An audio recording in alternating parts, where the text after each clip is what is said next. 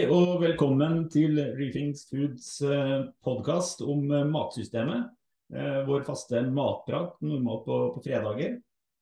Hvor vi liker å gå litt inn i helheten om matsystemet. Både for å grave litt i problemene som man står overfor, og ikke kanskje minst da, hva som kunne være ordentlig lurt å, å gjøre.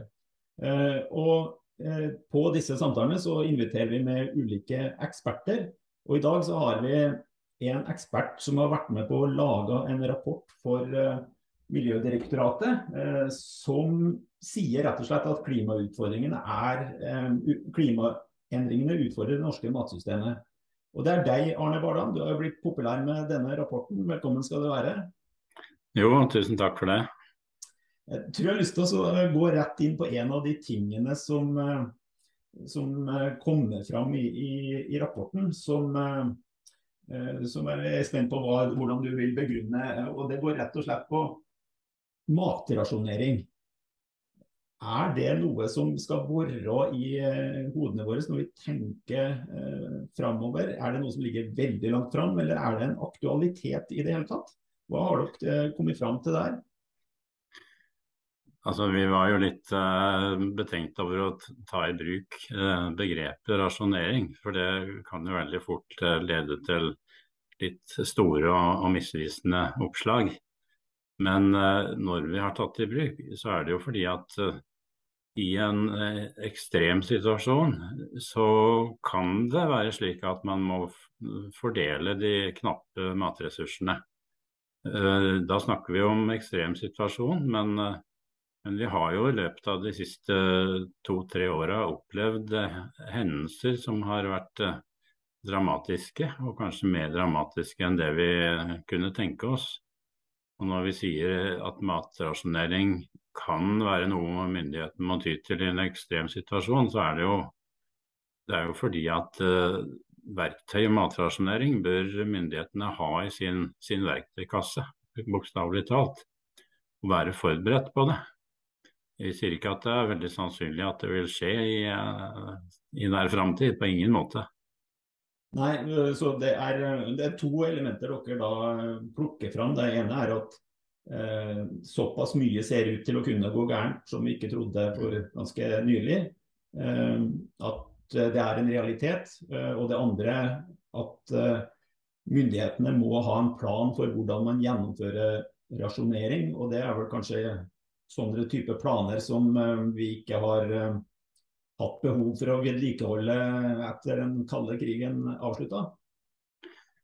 Nei, det var jo slik at når uh, jernteppet falt, så, så, hadde man jo forhåpninger om fredelig sameksistens og velfungerende internasjonalt samarbeid. Og, og, at internasjonal handel med både mat og andre nødvendigheter skulle, skulle fungere og at den arbeidsdelinga mellom landene skulle bidra til eh, økt verdiskaping, for å si det sånn. Eh, men så har det vist seg at eh, verden er ikke så snill og god som man hadde håpet. Nei, det er så å si en underdrivelse. Det er jo ganske forferdelig sånn sett. Men eh, hvis vi går videre da, og legger til grunn at eh, når dere snakker om matrasjonal rasjonering, så er det ikke for å skremme folk eller rope et uh, ja, be folk løpe inn i butikkene og handle eh, kriselagre i overdreven grad. Det handler mer om å si at dette er et verktøy som uh, vestlige land må være forberedt på å kunne bruke når ekstreme situasjoner kan inntre. Ja, og det er jo, altså Rapporten vår den dreide seg jo først og fremst om klimarisiko. Men vi, vi peker også på dette at uh, altså den gamle sannheten, en ulykke kommer sjelden alene. Og, og, det er jo slik at uh, det er mange uh, forhold som kan påvirke både produksjon og ikke minst handel og, og logistikk når det gjelder matforsyninger. Så, og, og, hvis det oppstår flere kriser samtidig, så vil det jo være alvorlig hver for seg, men det vil også være gjensidig forsterkende. Og Det er slike situasjoner som kan lede til de mer ekstreme utfallene, og som eh, det, det rammer stadig vekk de fattige landene, eh, alvorlige hendelser. Men i det mest ekstreme så kan også de, de rike landene bli, bli, rammet når uh, alvorlige hendelser kommer til samme tid. Og alvorlig nok så er det ikke gitt at en rik lommebok kan kompensere for, uh, for det behovene heller, da forstår jeg. Nei, altså vi ser jo at nå, vi, vi, har sett det i 2007-2008, og vi har sett det nå når krigen eh, i Ukraina startet. Da er det jo en rekke land som har innført uh, begrensninger i eksporten av matvarer og fôrvarer. Lista over land som uh, har pågående eksportrestriksjoner inneholder i hvert fall 30 land. Det er ganske store mateksportører som enten har stansa eksporten eller begrensa eksporten. Og det, Selv om det ikke er veldig stor knapphet på verdensmarkedet, så vil slike reaksjoner da, fra myndighetene, eh, som naturlig nok vil beskytte matsikkerheten for egen befolkning, det vil forsterke både knapphet, men også være en veldig viktig mekanisme for å drive prisene på verdensmarkedet både raskt og høyt opp. Mm. Eh, la, la, oss gå litt tilbake til uh, rapporten og klimaendringene. Uh, går det an på en sånn kortfatta måte å si hva slags innvirkning klimaendringene først har på de store matproduserende landene, som, som er viktig for den totale forsyningsevnen i, i planten? Og så ta, ta noe praktisk konkret på hvordan klimaendringene mest kan råke vår situasjon i Norge på mm. landbruk- eller havbrukssiden? Så Det er jo slik at det er matproduksjonen i, i verden, og særlig den produksjonen som, som bidrar til den globale handel med matvarer, den er konsentrert til noen uh, viktige områder, såkalt bread baskets, eller brødkurver. Det er jo seks uh, regioner som bidrar til en, mer enn 60% av verdens matvarehandel. Og, og, vi har jo sett nå i, i 2022 bl.a. at flere av disse områdene er ramma av både ekstreme hetebølger og tørke. Så det skjer altså klimahendelser som påvirker matproduksjonen i, i disse brødkurvene. Eh, samtidig. Og Klimapanelet har jo også sagt at uh, det er en, eh, en, en, viss økende sannsynlighet for at vi vil få samtidige klimasjokk i, i, flere av disse områdene. Og Det er jo noe av det som måte, tegner opp det alvorlige bildet. at tidligere så har det vært sånn at hvis det er tørt et sted, så er det kanskje et godt år et annet sted. Men framtida kan bli eh, noe mer dyster hvis man får avlingssvikt i flere av de viktige produksjonslandene og produksjonsområdene. Og det er klart, det... Da, da, vil eh, knappheten på, på, verdensmarkedet kunne bli mer følbar. Og Det er vel akkurat eh, det vi har sett eksempler på de to siste somrene.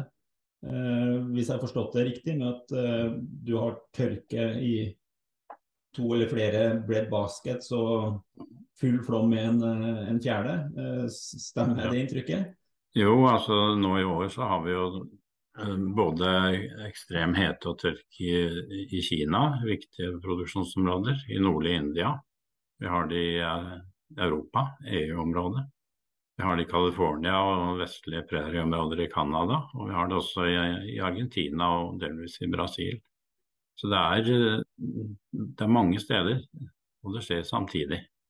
Men, men du som da har eh, liksom kjenne til eh, matnæringa globalt og fulgt utviklingen i, i flere år. Altså, hvor spesielt er det ak akkurat sånn som det er nå? Eh, er vi liksom på krise slik det er i år, eller er dette tross alt innenfor den eh, variasjonen som som vi klarer å håndtere. Mm. Eh, nå er ikke jeg klimaforsker, eh, men jeg prøver å lytte til klimaforskerne.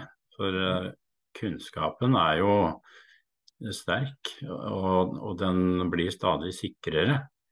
Og det jeg hørte senest i går, en av Norges ledende klimaforskere uttalte seg om dette med sannsynligheten og de store mønstrene i, i klimasystemet.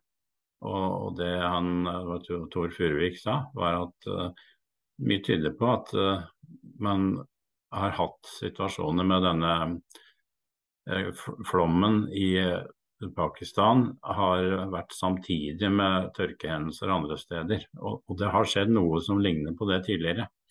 Så det kan være slik at det er noen store si, klimamønstre som uh, faktisk leder til disse sammenfallshendelsene. Mm. Kunnskapen om det er nok foreløpig litt umoden, men uh, det er jo et veldig alvorlig signal. Det at man kan få samtidige klimasjokk i noen av verdens viktigste matproduksjonsområder. Ta, hvis vi tar det da over til, til norske forhold. Eh, det jo eh, Det kan jo være krevende for en eh, nordmann å forestille seg det, de svære bread baskets som du sa, som vi har i, i noen regioner, og hvor store og betydningsfulle de er for den matforsyningen. Eh, mm. Men nå er jo folk eh, ganske oppdatert på hvert fall konsekvensen av eh, at Ukraina og Russland ramler ut av ligningen pga. helt andre ting enn klima. da. Mm. Men hvis vi tar det til, til, norske forhold og vår egen evne til å være sjølforsynt på, på, noen produksjoner som vi har historisk har vært det på. Hvor, hvor sårbar er den norske produksjons evnen eh, på kort og lang sikt ut ifra deres ferske vurderinger eh, i rapporten dere gjorde for Miljødirektoratet? Altså, det er jo slik at Klimaendringene de, de påvirker eh, alle deler av verden, men de påvirker ulikt. Og For å si det veldig enkelt, så er det mange land som rammes uh, mye kraftigere enn uh, Norden og Nord-Europa. Uh, det er deler av verden hvor det blir utholdelig varmt, og det blir fryktelig tørt. Og, og, da vokser ingenting. I de nordlige områdene så vil det komme noe mer nedbør. Det vil bli noe større variasjoner, og vi vil ha nok få mer ekstrem nedbør. Men men det er likevel mer håndterbart, det som følger av klimaendringen i de nordlige områdene. Så Slik sett så, så vil nok uh, mulighetene for å produsere her være uh, si, bedre ivaretatt enn i mange andre deler av verden. Og Så skal vi ikke underslå at uh, det er krevende nok å produsere under det norske varierte klimaet. Det har det vært lenge, og det kommer det til å være i framtida. Eh, men eh, det er jo flere vurderinger av hvor utsatt ulike land er for konsekvensen av klimaendringer. Og, og der kommer jo Norge ut som det landet som kanskje er best rusta for å mestre konsekvensen av klimaendringer. Det er land som Bangladesh og Pakistan som kommer nederst på den lista. Så, så, så situasjonen er at vi i Norge, da i hvert fall midt oppi eh, alt som er litt mørkt, eh, kan glede oss over og basere oss på at vi ligger på en del av planeten i Nord-Europa som har over snitt rikelig tilgang til, til vann.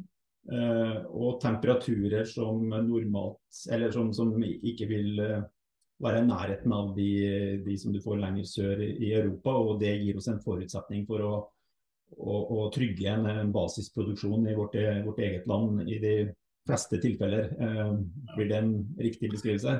Jo, det er riktig det. Og, og det når vi trekker opp dette litt dystre verdensbildet, så er det jo nettopp for å, for å gi norske myndigheter mer kunnskap om hva som kan komme til å skje. Og, og den kunnskapen bør jo da brukes for å for å utvikle en politikk eh, for norsk matsikkerhet i, i framtida. For situasjonen i dag er jo at eh, det snakkes så mye om eh, selvforsyningsgrad og at den må økes.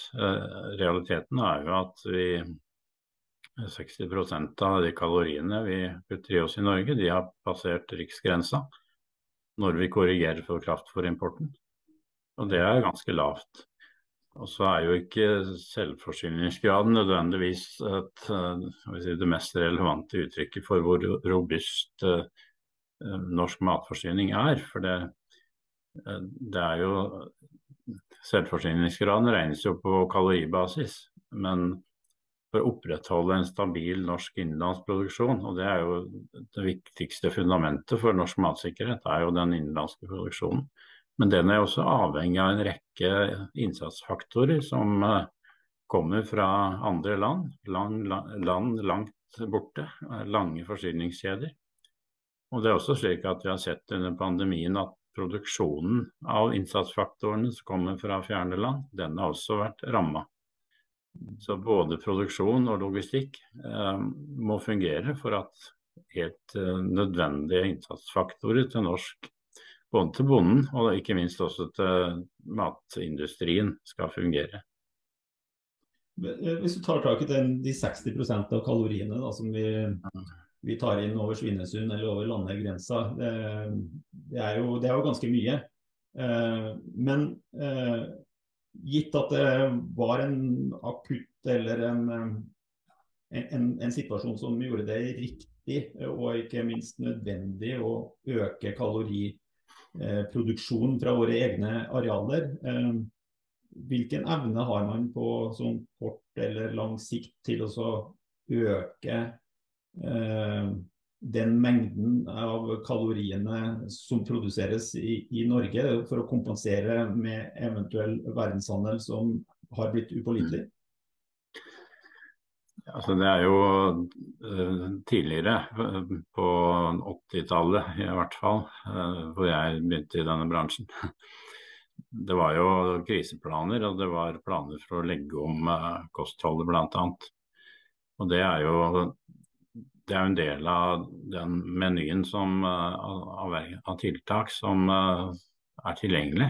Det er klart hvis tilførselen av av mat fra verdensmarkedet, mat- og fòrvarer, blir eh, begrensa, så er det mulig å legge om bruken av det vi produserer i Norge. Det gjelder jo Vi kan jo spise mer eh, for si, vaskegrøt og havregrøt, for å si det veldig enkelt. Eh, det er god tradisjon i Norge for å spise det. Så, og Det betyr at vi må da redusere bruken av en del kornvarer til, til eh, den kraftfòrkrevende husdyrproduksjonen. Mm. Så det er mange muligheter for å legge om. Og så er det klart uh, i, i enhver diskusjon om lav norsk selvforsyning, så kommer jo fisken uh, på banen, eller det kommer, kommer svømmende inn i diskusjonen, for å si det sånn. Så Eh, vi har mye fisk i, i, som står i merdene, og vi har mye fisk i havet. Nå er det ikke slik at uh, det er uten risiko. Uh, oppdrettsfisken den henter jo 90% av fôret fra utlandet. 80% av fôret er vegetabilsk, altså produsert på landarealer. De landarealene er utsatt for den samme klimarisiko som som både fôret til husdyra og, og, og matgårdene. Så, så, det er uh, også risiko knytta til, til, sjømaten. Og Hvis vi ser langt fram i tid, så, så, er det jo slik at klimaendringene har alvorlige virkninger for uh, havøkosystemene. Uh, det er også litt si, underkommunisert, i hvert fall når det gjelder de mer langsiktige konsekvensene av, av klimaendringer.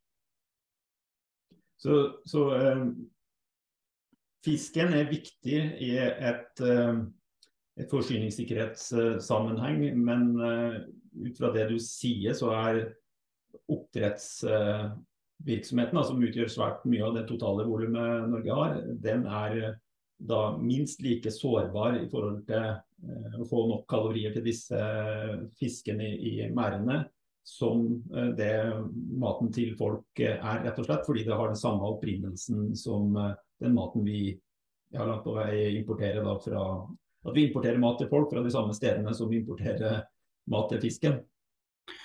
Ja, altså det er en risiko der som, som vi må ha med oss.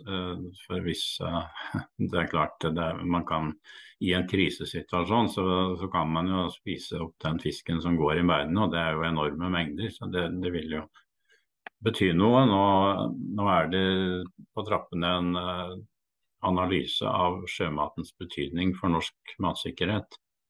Det er et initiativ fra Nærings- og fiskeridepartementet hvor uh, de har lyst ut et oppdrag om å gjøre en slik vurdering. For vi trenger å få en bedre, bedre belyst på en måte helheten rundt dette med sjømatens betydning for matsikkerheten. For det dukker stadig opp i diskusjonene, men liksom, hva er risiko, og hvordan vil det fungere i en mer kritisk situasjon? Det trenger vi rett og slett bedre svar på. Eh, før vi liksom runder av eh, med en synke sykkel litt inn i beredskapsplaner og den type eh, ting og hjelpemidler, Arne. Uh, jeg har lyst til å be deg om å utdype litt rundt forsynings... Altså det er mange begreper her.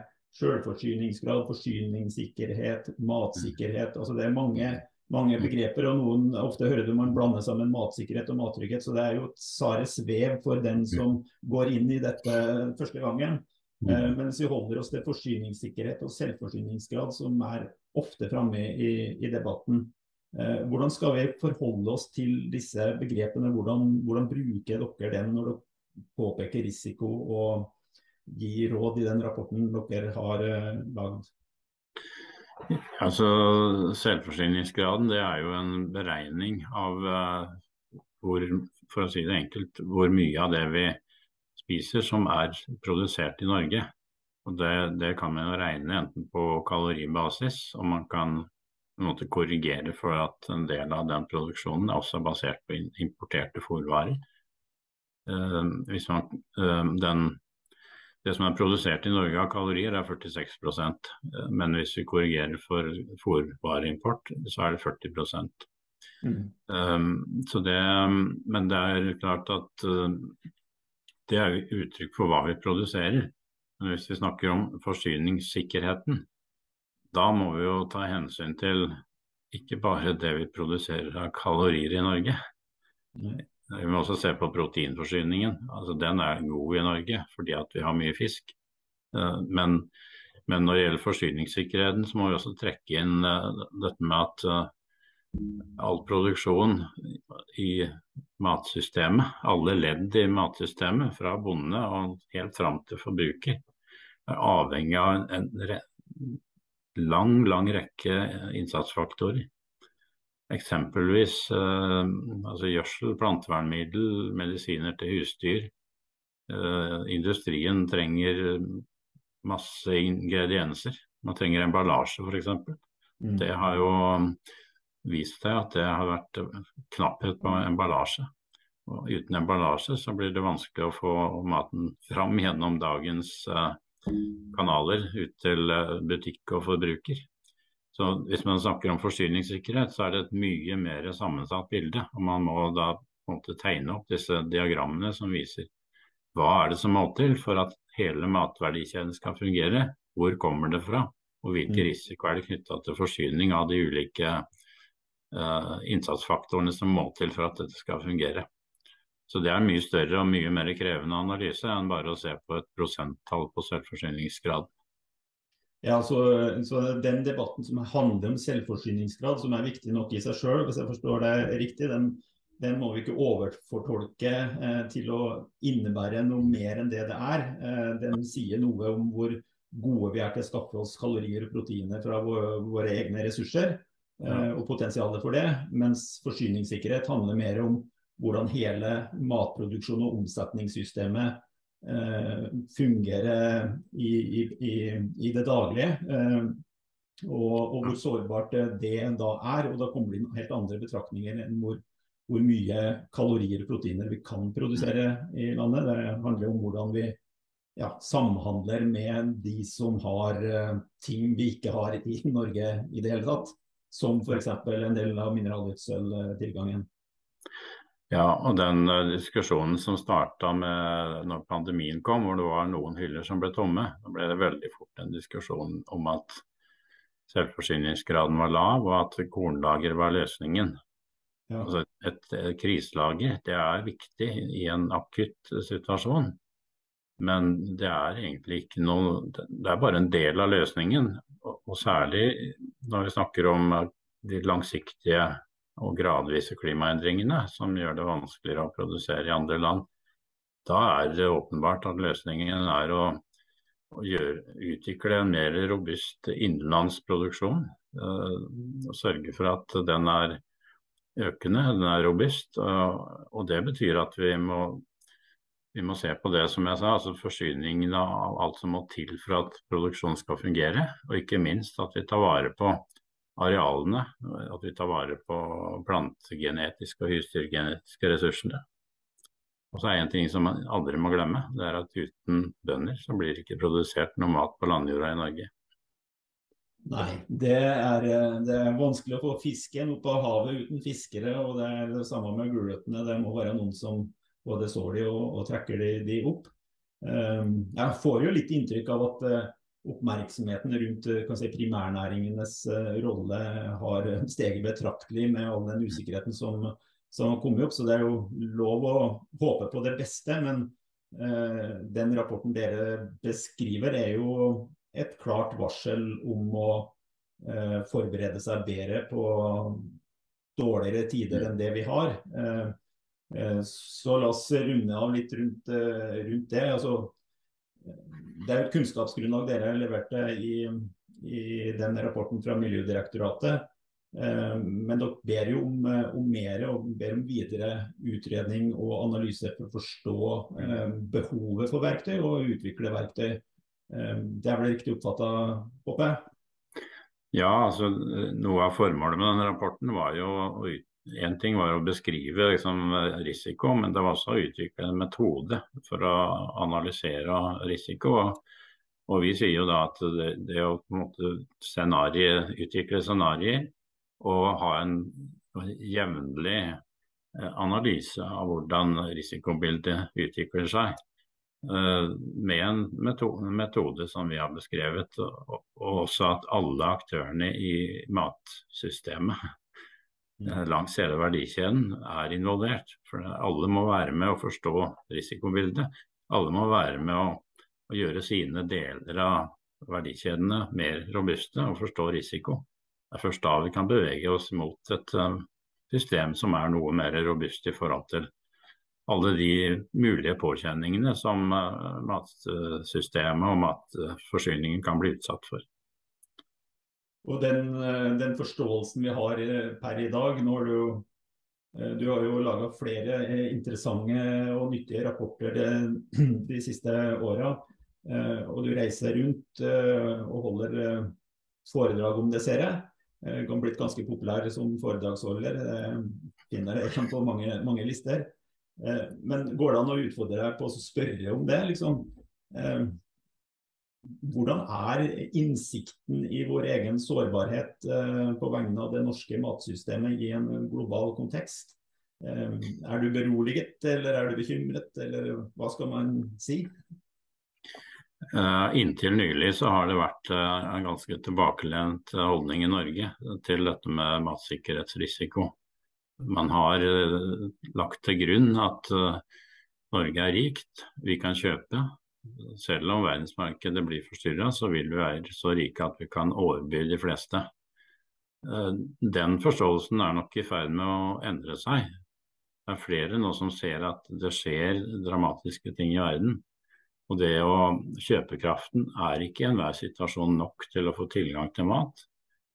Og, og noen trekker også fram det si, etiske perspektivet. Skal et rikt land kjøpe mat på bekostning av fattige land.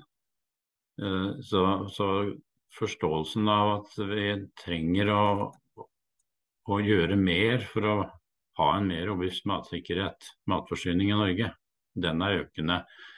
Og nå får jeg da spørsmål om å holde foredrag fra si, miljøer som ikke har uh, vært så interessert i dette før. Så interessen for å lære mer om dette, den, den, er økende. Og det er jo bra, for det er naturlig at folk er opptatt av om de får mat på bordet. I Norge har det vært en veldig utenkelig tanke. Mm. Men så har vi sett det har skjedd hendelser både i eget land og ute i verden. At det, det som vi ikke kunne tenke oss, det har likevel skjedd. Og når det gjelder maten, det er jo det mest det viktigste i livet vårt, grunnlaget for livet. Hvor stor risiko skal vi leve med? Det er det spørsmålet som kanskje flere stiller seg etter hvert. Men hvis jeg runder av og prøver å utfordre deg på eh, eh, Jeg skal i et møte med, med, med partigruppa til, til, SV denne uka. Eh, og vi kommer sikkert til å komme inn på, på dette temaet. Eh, hva ville du sagt det, i lys av forsyningssikkerhet og matsikkerhet eh, er eh, et nødvendig og smart grep eh, for politikerne å ta på kort sikt? Altså det er å skape forutsigbarhet for de som produserer mat i Norge. For, for er, hvis, hvis, usikkerheten blir stor, så er risikoen for at bønder eh, legger ned eller legger om produksjonen. Så det å ha forutsigbare rammebetingelser, som det heter, mm. det er jo, man kommer jo tilbake til altså, sørge for at vi tar vare på grunnlaget for produksjon, de arealene våre. At vi tar vare på bøndene, at vi tar vare på og opprettholder hele det systemet som, som norsk eh, fiskeri og, og, og, landbruk eh, bygger på.